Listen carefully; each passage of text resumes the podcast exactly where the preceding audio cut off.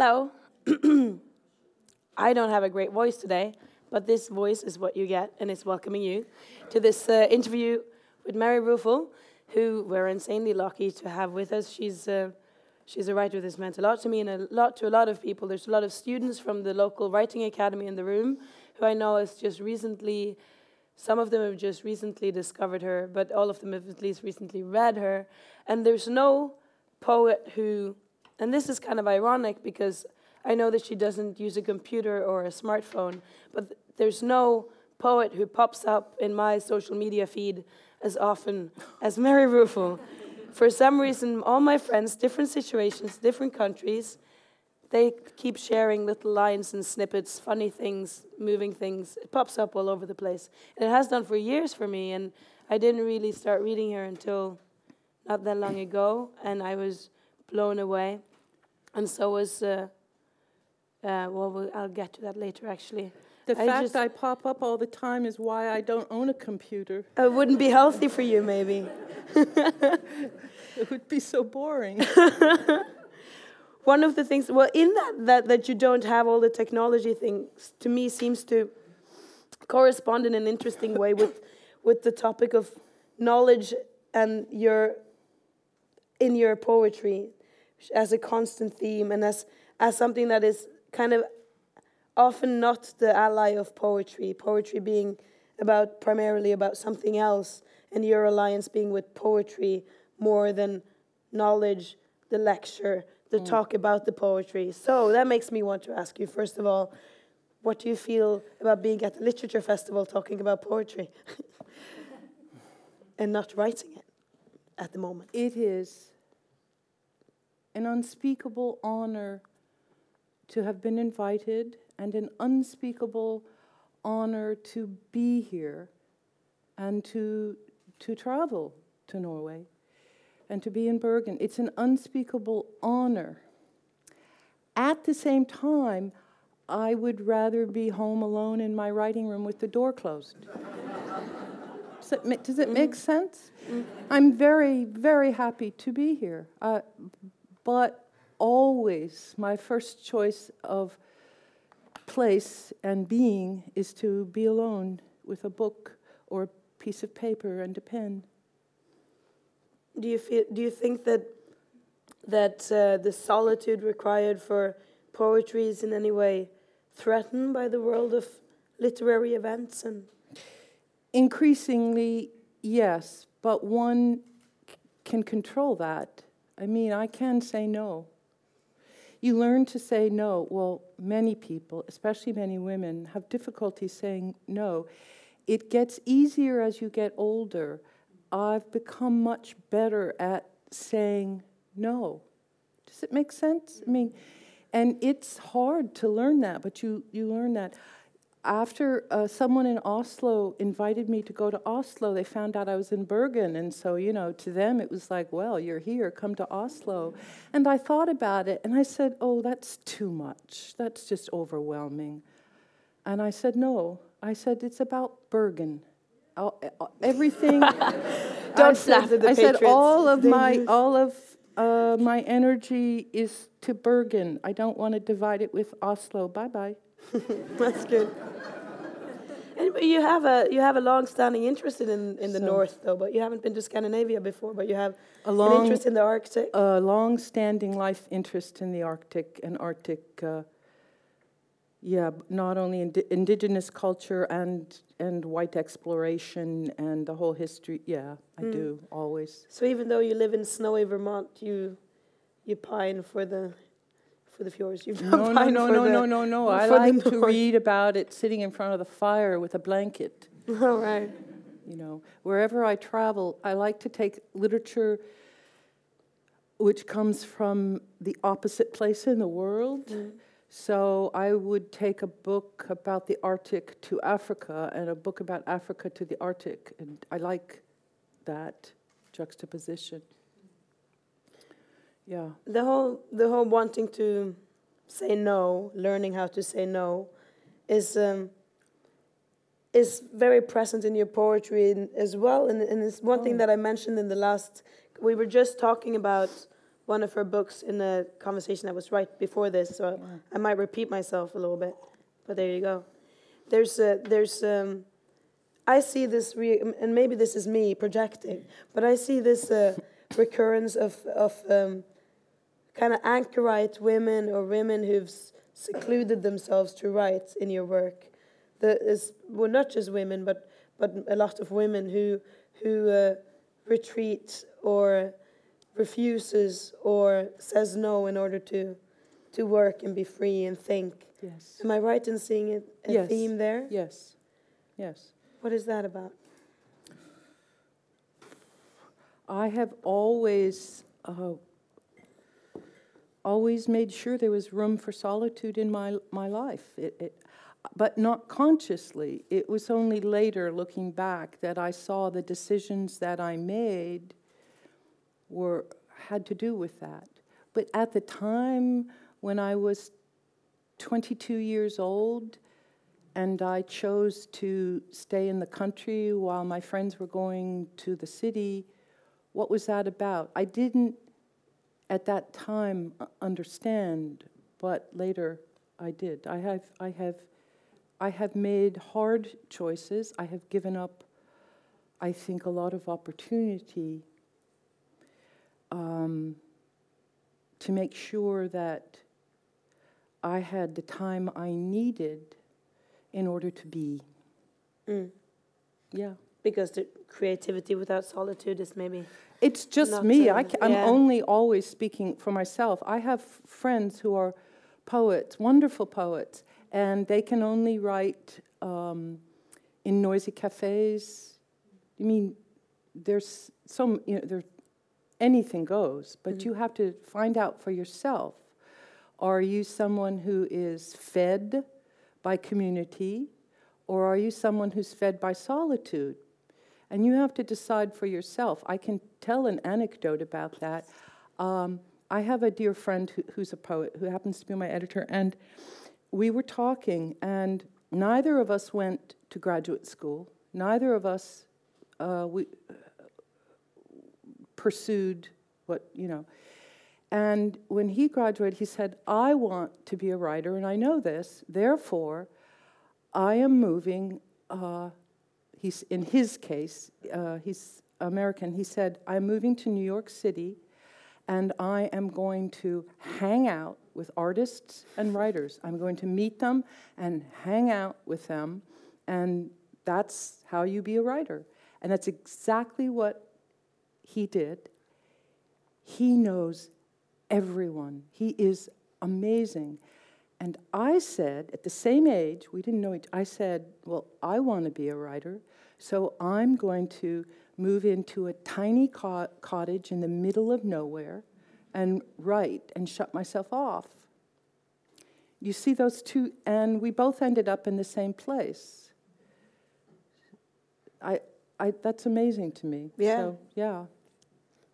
Just two different directions. So it's maybe the choice of a way of life that serves the poetry. That's the point, not the kind of life, Yeah, but making, yeah.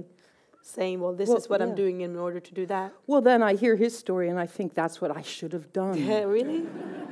you know. No, you don't think that, do you? S- Yeah, sometimes. Hmm. But I mean, it's too late now. you know, my life's basically over. But you know.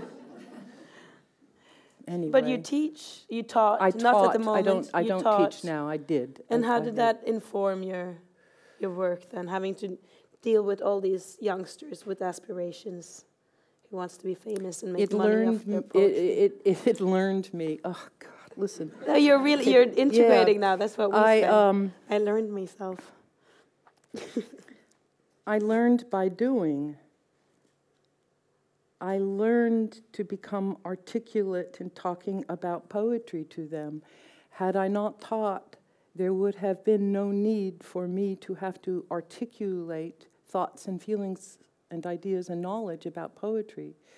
So the book Madness, Rack, and Honey came out of that experience. I did not set out to write that book. I did not want to, I didn't plan to, but I was required to deliver lectures to a, a group of graduate students. It was a requirement, otherwise, I w- would lose my job. and it terrified me. I say all this in the interview. It terrified me, but I did it. And out of that experience came that book. So I'm very thankful for that. Mm. I'm very thankful for that. And the book she's talking about is, is a, a, series of lectures that we yeah. just discussed, which ironically yeah. Is like the big bestseller and it's not yeah, poetry and it proves the point. It's the, of, uh, in a nutshell, you've probably heard this, but the book basically says people would rather talk about poetry or hear other people talk about poetry than read it.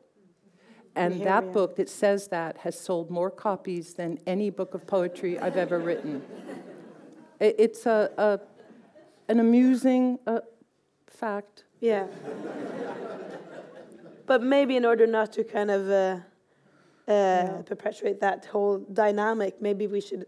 Maybe you would like to read from a, for us a little bit a, now, yeah, so that we're actually listening to poetry when we're Whoa, talking about but I'm, poetry. I was going to read the essay. All right. Well, that works too. You know? Yeah, yeah, yeah. No, I know. I uh, mean, uh, maybe you would like to read a little bit from an essay so that at least we're organizing ourselves around written words. Because people would that? rather hear an essay than poetry. Bye bye, poetry. I don't know. There's a lot of poets. I know that. No, I know it I in my heart. Yeah, that I know it. So I, what I wanted to do was I wanted to read the title essay here. Oh, with uh, my marginalia. Is that my copy?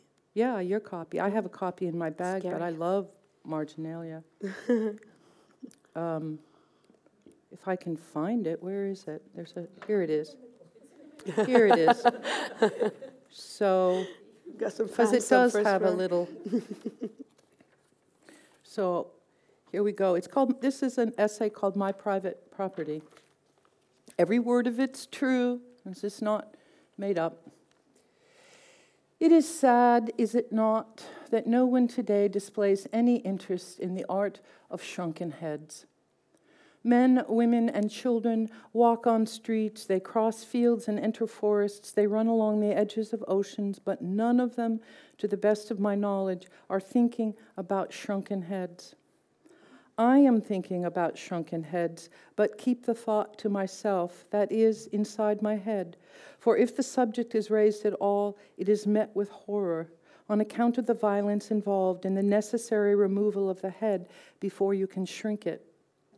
But as an art and a conception, the tribes of the Amazon displayed a genius that deserves our awe.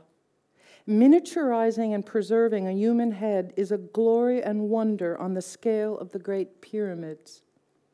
I recently encountered a passage on shrunken heads in Kon Tiki, the best selling account by Thor Heyerdahl of his journey with five companions on a simple wooden raft that set sail from the coast of Peru in 1947 and landed on an uninhabited South Sea island 101 days later.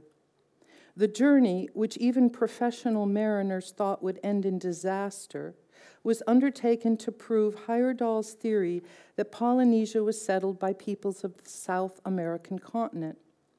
It is not a book that is much read today, but the copy I found at the Goodwill was in its 21st printing in 1962 and so it is fair to think that for many years people did think about shrunken heads, which are mentioned in passing on page 62.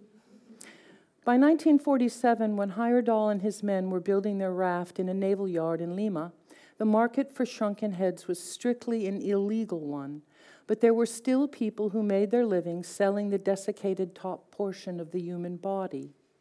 The Amazonian jungle is very dense, and such a thing is hard to control. Heyerdahl's account is brief and sketchy, but one learns that it is done like this. After the requisite decapitation, the skull is smashed and removed through the neck, leaving the skin of the head intact like a sack of flesh, which is then filled with hot sand, which causes the sack to shrink without losing its shape or any of its features.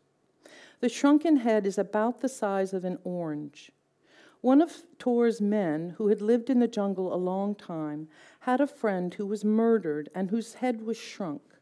A promise was made to spare the murderers in exchange for the head.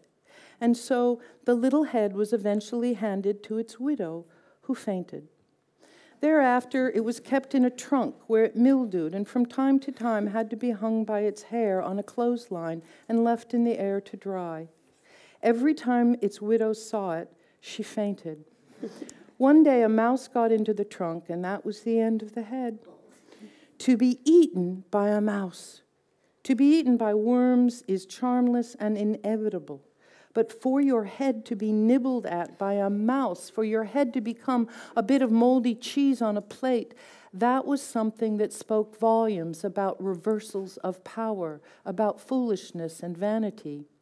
It reminded me of a 19th century Japanese drawing I had once seen, mice transcribing a book by Kawanabe Kyosai in which red eyed white mice were wearing kimonos are kneeling at a low desk transcribing a book, while off in the corner, naked black mice are devouring the pages of a previously transcribed book. Am I vain to think of my head as a book? Am I not transcribing the book of my head as I write? To be eaten by a mouse, I had to learn more. So I did some research and found a more detailed account of how it is done, a method used by the Jivaro Indians of the Ecuadorian Peruvian Amazon, who, as far as I can tell, are today known as the Shuar. Those ethro, eth, ethnocentricities become amazingly complicated. The Jivaro or Shuar slit the head flesh up the back to remove the skull, throwing the skull in the river to appease the river gods. The eyes and the mouth are sewn shut to paralyze the spirit, which, having died violently, would be bent on revenge. The flesh head is boiled for two hours until the skin is dark and rubbery and one third its original size. The skin is then turned inside out, and any flesh still sticking to the inside is scraped off. Then the head is inverted back, and by this time resembles an empty rubber glove. The final shrinking is done with, hot, with sand and hot stones dropped one by one at a time through the neck opening, constantly rotated inside to prevent scorching. The sand enters the places the stones cannot, the crevices of the nose and ears, and hot stones are applied to the exterior too, to seal and shape the features. Surplus hair is singed off, and the finished product hung over a fire to harden and blacken.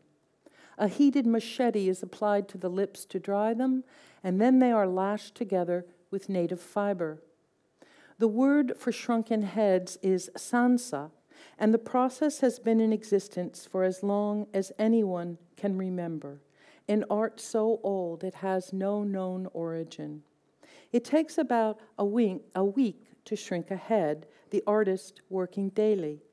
A ceremony follows where a string is inserted in the head so it can be worn around the neck, for the head of the enemy is a trophy, a living trophy of sorts, for it contains the spirit of the vanquished.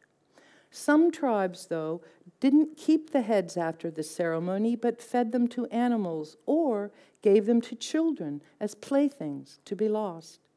In this instance, they are dolls, but with a difference. They are real dolls, every girl's dream. It is hard to fake a shrunken head, but once they became a commodity, enter the white man, many tried. Some clever folk used other animals altogether, such as the heads of monkeys and goats. Where there is value, there will be experts, and experts say that nose hair and ears are especially hard to fake. An expert examining a shrunken head to determine whether or not it is real is not unlike an art expert examining a supposed Rembrandt to determine whether or not it is real. Magnifying glasses are used. But I, think, but I keep thinking about the mouse, who didn't care or know whether the house was the head was anything other than a real meal. We eat jerky, don't we? Most of all, I like the idea that a head can continue to have a fate after it's dead. And the story of the widow who fainted every time she saw her husband's head on the clothesline took me back to my own first encounter with a shrunken head. When I was 16 years old and in school in Brussels, I would very often play hooky, Skipping school, it is also called. And always when I did, I did the same thing. I took a tram to the outskirts of the city and wandered through that marble mausoleum commonly called the Congo Museum. I may not have been a writer at 16, but I was most emphatically a daydreamer and felt deliriously happy to be free, wandering under the hanging canoes, staring at the stuffed elephants, and peering into the eye holes of masks with which I felt a special relationship. Of course, I am filled with retrospective shame, but not for my feeling of freedom. Freedom is something one should never feel ashamed of, but for my sheer and utter ignorance. I can now say that my ignorance was not in any way caused by my absence from the classroom. I can assure you my school did not teach what I now know to be true that the museum I wandered in was built on rape and plunder and pillage and oppression and murder, that everything in it was stolen, that the very wealth necessary for such acquisition was stolen, wealth acquired by force of so filthy and unspeakable an evil, our heads cannot fathom it and have no single word for it, but must resort to endless corridors of words, each corridor turning into another corridor a thousand miles longer than the last, in our hopeless search for some inner chamber of understanding that does not exist. Among these millions of words, time passes, and in time, slavery passes, if only on paper, a page shuffled among thousands of pages, and then there are two words, rubber and ivory, that break off from the others and river around the world in the forms of automobile tires and piano keys. But commerce and culture quickly take us down a corridor leading to more automobile tires and more piano keys and their equivalent money. And I want to go the way of shrunken heads and dolls and rubbery flesh and ivory like porcelain, skin and bones, faces and masks. At 16, I was not much the other side of dolldom, so it is little wonder that there in the Congo Museum I fell in love with a shrunken head. Of course, the head was not Amazonian, but African. I don't know how the art evolved on that continent, but genius flourishes everywhere. It has always been so and will always be so, and there will always be people who believe otherwise. As I said, a shrunken head is as close to a real doll as one could ever come. And in this sense, it is both a child's toy and an adult toy. It's another person, after all. And I was not then, nor am I now, immune to the charms of having someone else to play with. He was dangling from an invisible thread, much as a spider does, from the top of a glass case taller than I was. He was the size of an orange. He was particular and unique and human and utterly real. A man with eyes and eyelashes and hair. Apparently, the Africans do not close the eyes of their dolls. It was only later that I learned that the hair and eyelashes do not shrink with the flesh of the face, and so the shrunken often have the luxurious eyelashes of a child, and the hair is much longer than the face, though often cut, so great is the human impulse toward proportion. But my man had long, uncut hair, and as it was 1969, I didn't think anything of it. All the men I liked had long, uncut hair. His skin had the sheen of an eggplant. It must have been oiled, and all the purples of that fruit were in it. His nose was broad and flat, his eyes deeply set, unnaturally so, and beautifully shining. But so many years have passed, I cannot be sure of what was there and what was not, though I returned to look at him countless times. He was, after a while, what I came to look at. And at some point, I began to commune with him. Yes, I gave life to an inanimate object, but can a human head ever really be said to be an inanimate object? He was not a skull. He was not decomposing. He was not mangled in any way. He had been and was a person. I don't remember what it was we communed about, but he possessed me as I possessed him, and to possess the head of a beloved, no less than the head of an enemy, is the greatest sickness on earth. I could enter the museum blindfolded and turned exactly the right corners, one after another, to find myself standing before him at eye level. I shall never forget his expression. He looked startled. No other word comes to mind. And though I could not see myself, I must have looked startled too. We stood facing each other, the way when you come upon a deer unexpectedly, you both freeze for a moment, mutually startled. And in that exchange, there seems to be but one glance, as if you and the other are sharing the same pair of eyes. The years passed. I left the city. I never returned. The signage in the museum changed, of that I am sure. But the impression left upon me by the shrunken head has never changed. So that I now wonder why human beings do not incorporate the art of shrinking heads into their burial rites. I am serious.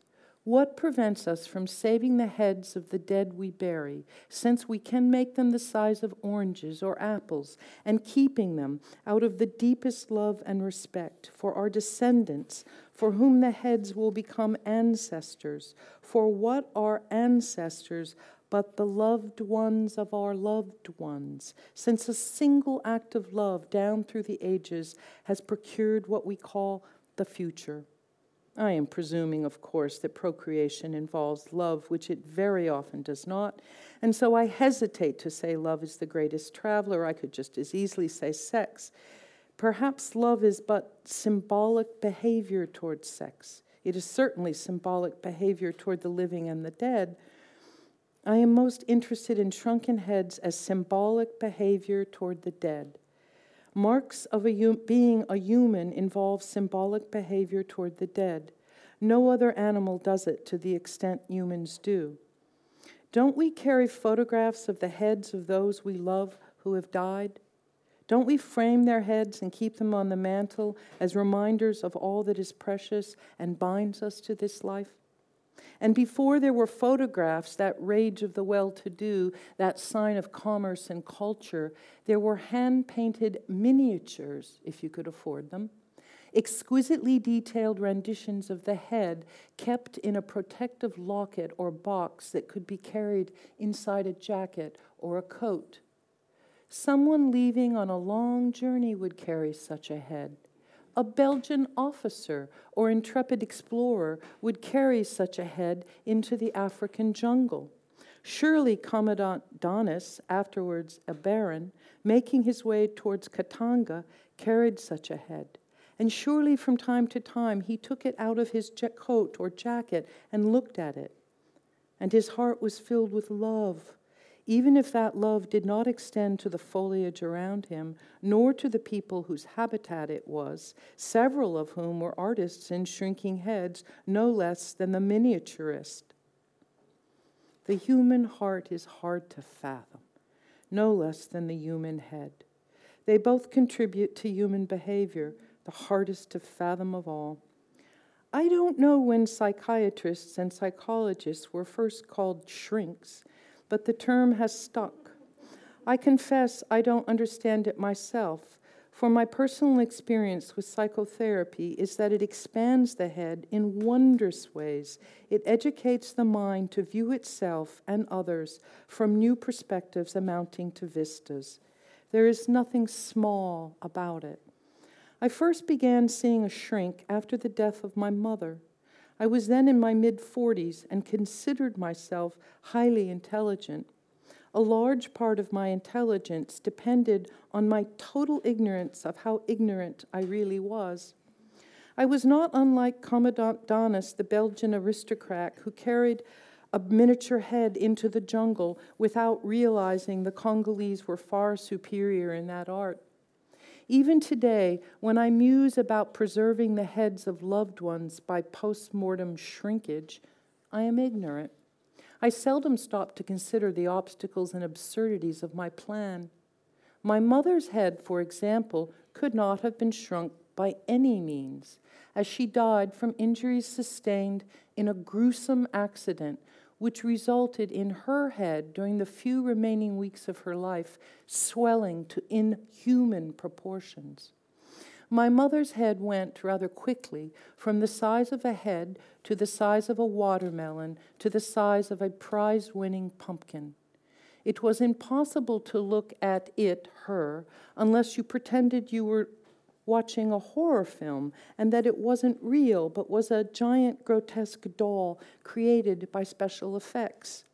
At least that is how I remember enduring one such viewing. Unlike a shrunken head, when a human head is enlarged, it cannot sustain its features.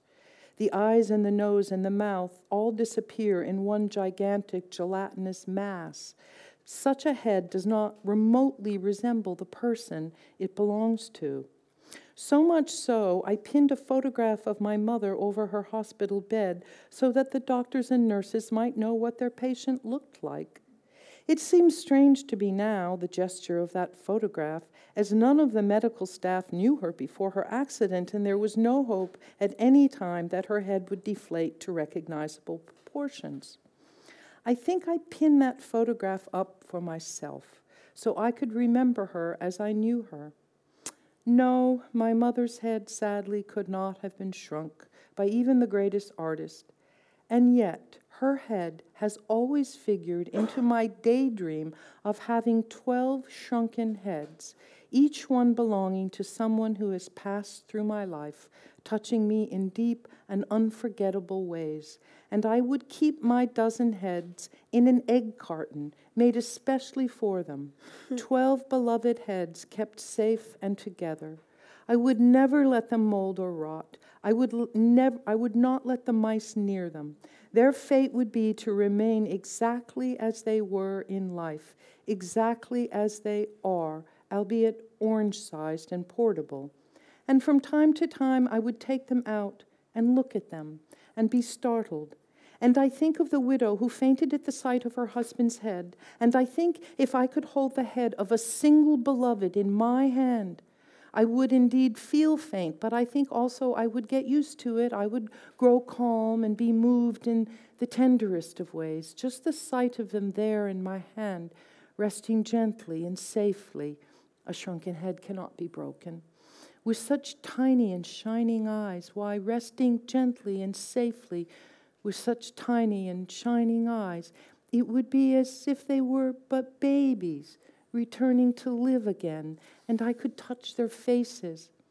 I am ashamed to think of the baby heads as my private property, but I do. It has been said that inside the human head is to be found the only freedom that exists for all but very often that freedom grows lonely and bored and frightened and yearns to join another head. Very often, owning one head is not enough. Owning your own head gives rise to the desire for the head of another out of the perfectly natural desire for love and communion. But out of greed, out of the desire for control and power, grows a monster, the desire to own as many heads as possible. None of us are immune. Who doesn't want more clients, more patients, more customers, more readers. But desire can swell to inhuman proportions. Thus, the King of Belgium declared a vast territory as his private property and all the heads within it, including, unbeknownst to him, all the shrunken heads, heads shrunk after a week's worth of artful work. I don't really know anything about heads, though I spend a disproportionate amount of my time thinking about them, and more time than ever since seeing a shrink. I'm not even sure I own my own head, but my innermost fantasy is to own 12 beloved heads nestled in an egg carton to comfort me in moments of dearth in exchange for my infinite love. How can I call myself benevolent? I want as my personal private property 12 human heads. I have often thought God needs prayers to remind himself he is important and still matters.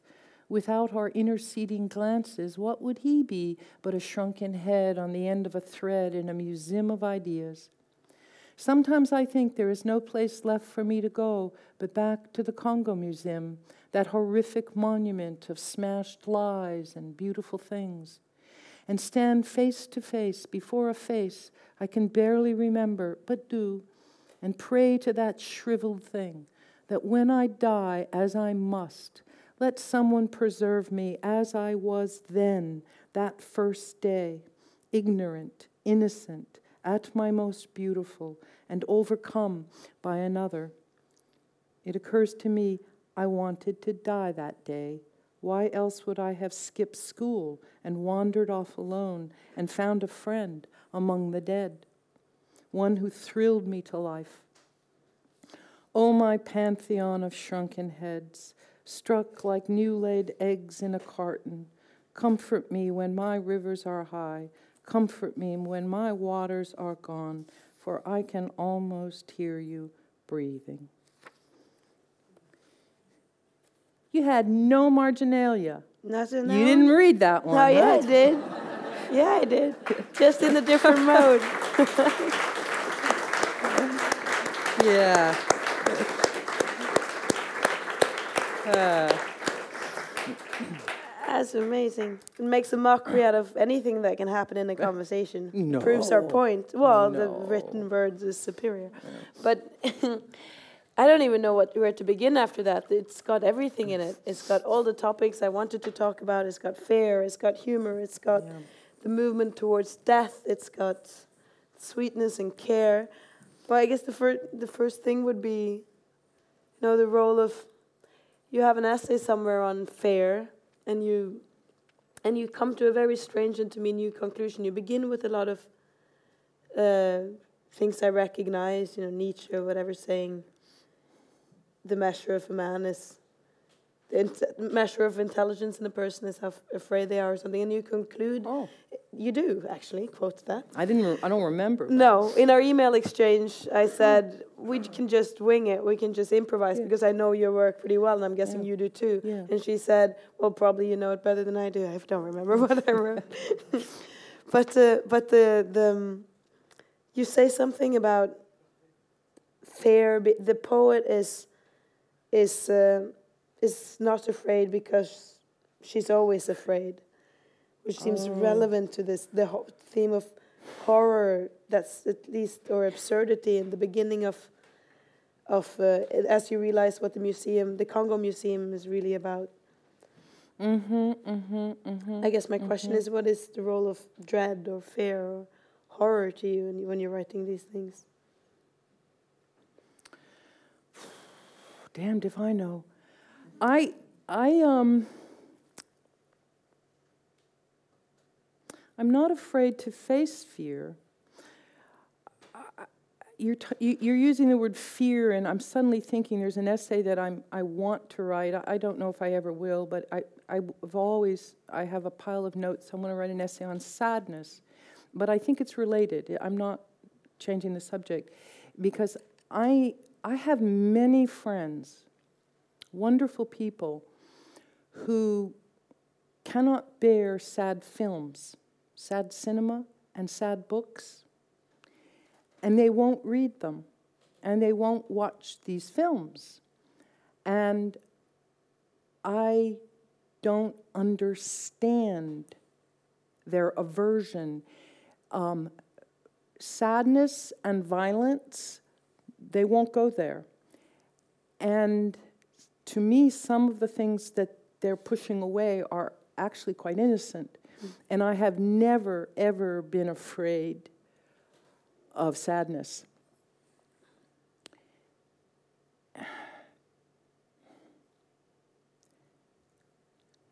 And maybe that's,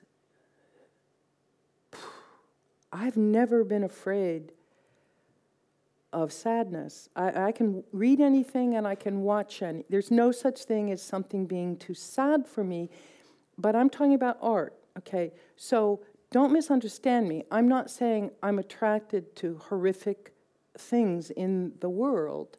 They're, of course, they're horrific. They're e- evil is real. Evil is real. Um, and I recognize them as evil, but I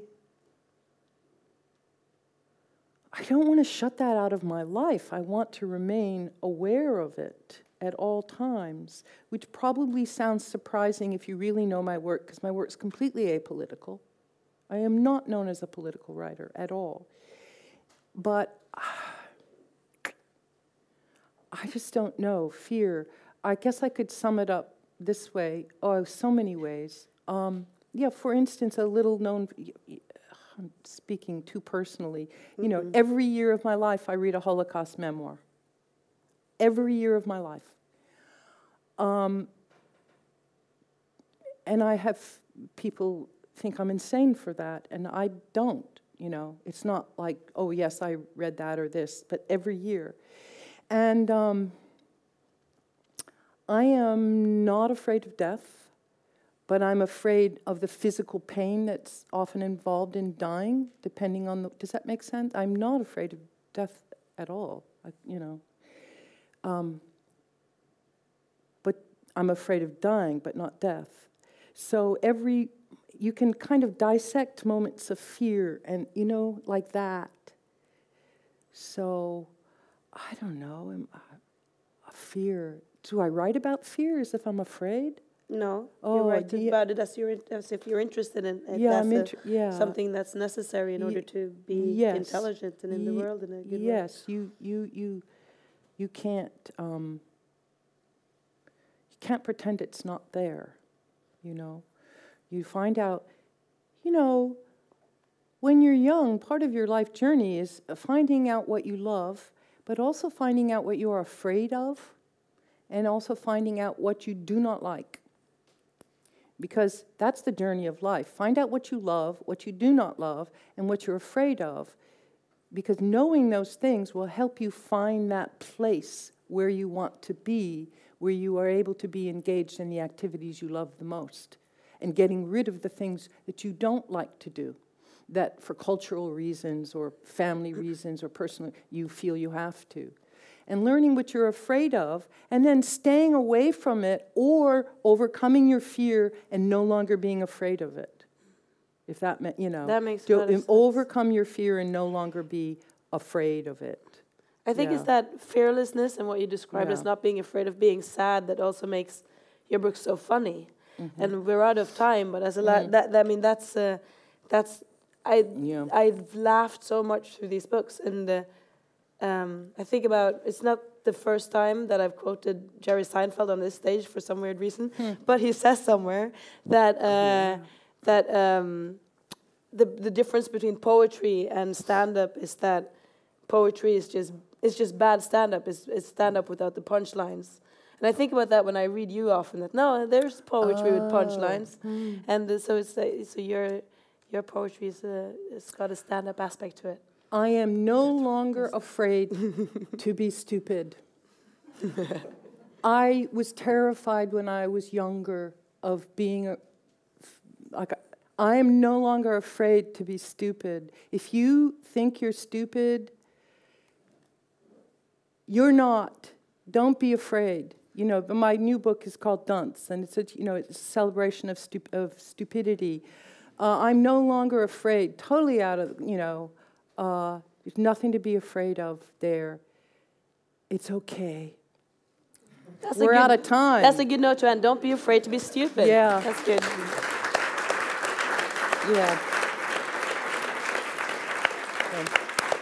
Thank you. Thank you. Thank you.